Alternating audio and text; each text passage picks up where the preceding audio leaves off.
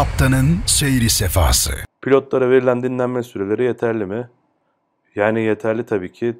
Zaten bu uluslararası şeyler, kurallar. Hani Türkiye Sivil Havacılığı ve- ya da Türk Hava Yolları'nın ya da herhangi bir özel hava yolunun verdiği e, dinlenme süreleri değil. Bunlar uluslararası standartlara uygun bir şekilde yapılıyor. Ha, daha çok dinlenmek ister misin? Tabii ki isterim. Ama verilen süre, süreler yeterince yeterince yeterli diye bir cümle bilmiyorum olur mu ama yeterince yeterli yani. Sağlık pro sağlık problemi yaşayan pilot oluyor mu? Yani yaşadığın sağlık problemine bağlı. Yani her yani başın ağrıyorsa pilotluktan men etmiyorlar tabii ki ama ciddi bir sağlık problemi varsa doktora gidiyorsun. Bununla ilgili yetkili hastaneler var. Sivil Havacılık Genel Müdürlüğü'nün onayladığı. Onları da Sivil Havacılık Genel Müdürlüğü'nün web sitesinde görebilirsin. O web sitesinde e, pardon o hastanelere gidiyorlar. E, hastalığı olan pilotlar uçuş değerlendirmesine giriyorlar. Oradaki doktorlar yine uluslararası mevzuatlara uygun şekilde uça- uçuş yapıp yapamayacağına karar verip ona göre e, karar veriyorlar. Sağlık açısından uçaklarda çalışmanın bir zararı var mı? Basınç falan. Basınç etkiliyor. Basınç yoruyor. Radyasyon var biraz da. Yani çok yüksek seviyede olmasa da belli bir oranda radyasyon alıyoruz. Basınçla ilgili şöyle bir şey anlatabilirim. Babamın emeklilik uçuşunda iki tane arkadaşım geldi benimle. Yani Ankara git gel yaptık sadece. İşte e, onlar da yolcu olarak geldi. Fotoğraf falan çektiler. Hatta işte babamın e, emeklilikle alakalı bir videosu var. E, bir pilotun hikayesi de işte ilk videolarımdan biri. Onu izleyebilirsiniz. Orada işte orada da varlar.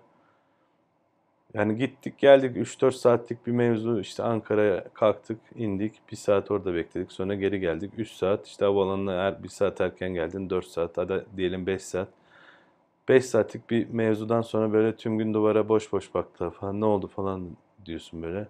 Abi işte çok yorulduk. E, işte uçuş yordu bizi falan. Alt üstü yaptıkları da normal yolcu koltuğunda gidip geldiler. Sadece işte Ankara'dayken fotoğraf falan çektiler o kadar ama Gerçekten yoruyor yani insanı o basınç farkı. Basınçtan dolayı kulakta devamlı sağlık sorunu yaşanıyorsa ne olur? Artık uçamaz mısın?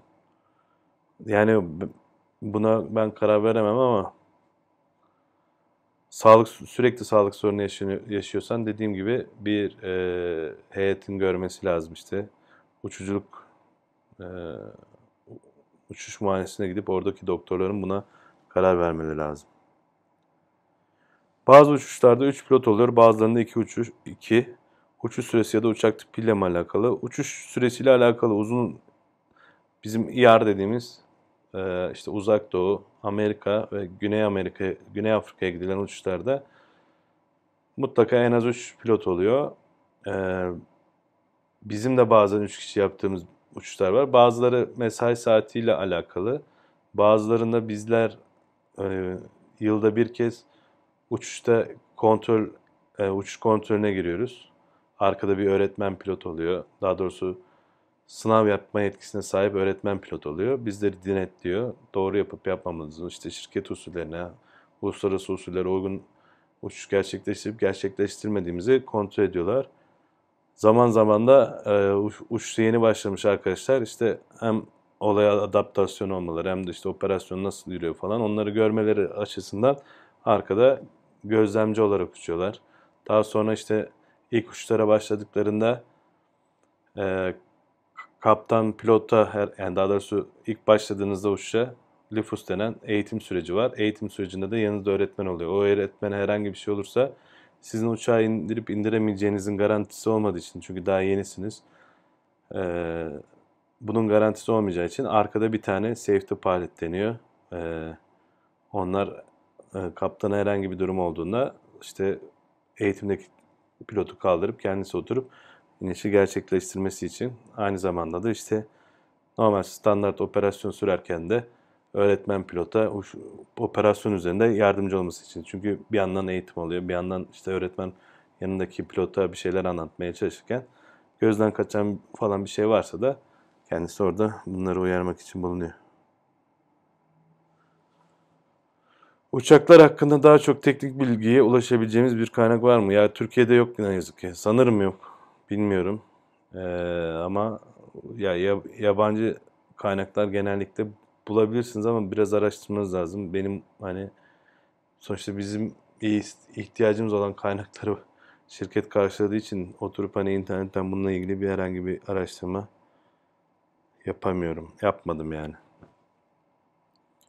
İki uçuş arasında havalimanında takılabiliyor musunuz? Takılmak hani öyle bir şey yok.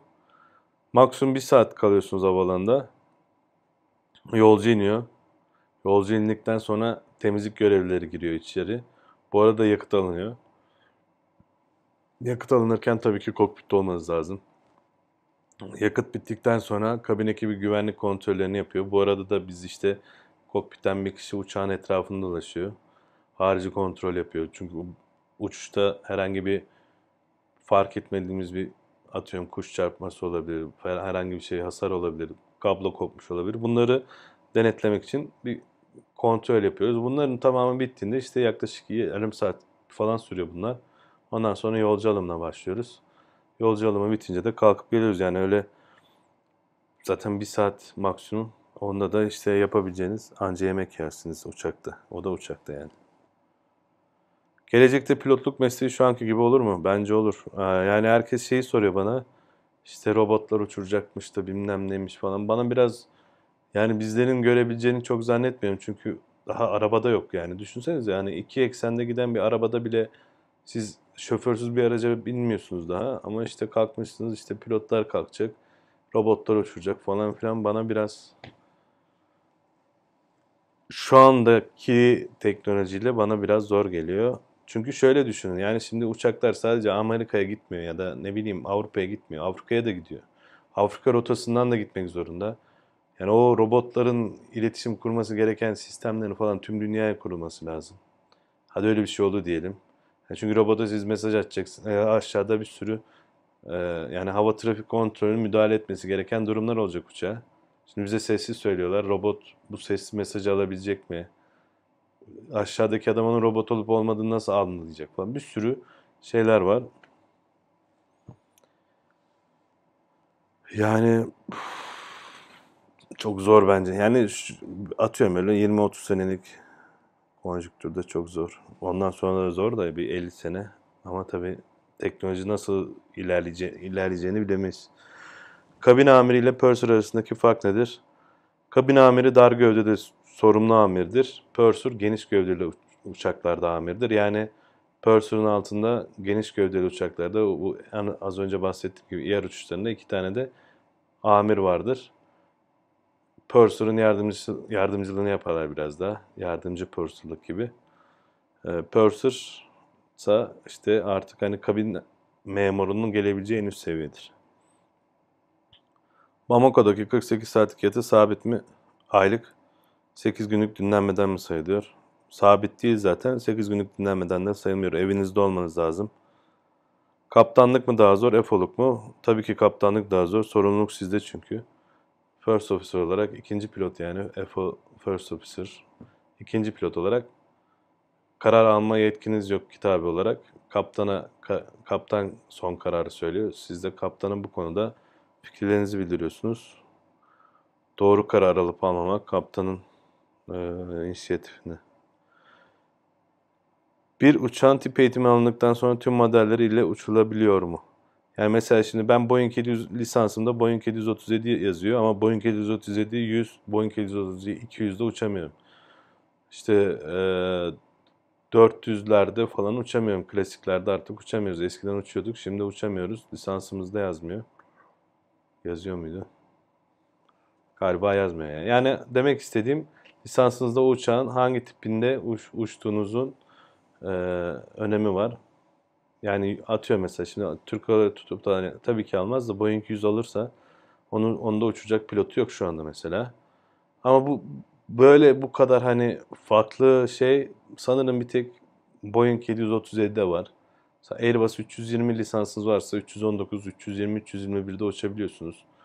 330 lisansınız varsa 330, 200, 300'de uçabiliyorsunuz. Kargosunda uçabiliyorsunuz. Yani tek sanırım bu kadar hani detaylı farklı versiyonu olan uçak tipi sadece Boeing 737'de var. Onda da dediğim gibi NG'lerde ve klasik olarak Iron var. Öyle bir durum var. Bir yakınınızın düğünü ve ya özel bir gün olduğunda izin alabiliyor musunuz? Şimdi mesela yine dediğim gibi bugün Mayıs'ın 20'si. Haziran için artık isteyemem ama mesela Temmuz için Haziran'ın 10'una kadar boş gün talebinde bulunuyoruz sistemden otomatik. Bu- Bugüne boş istiyorum diyorsunuz. Alet programımız ona göre planlanıyor.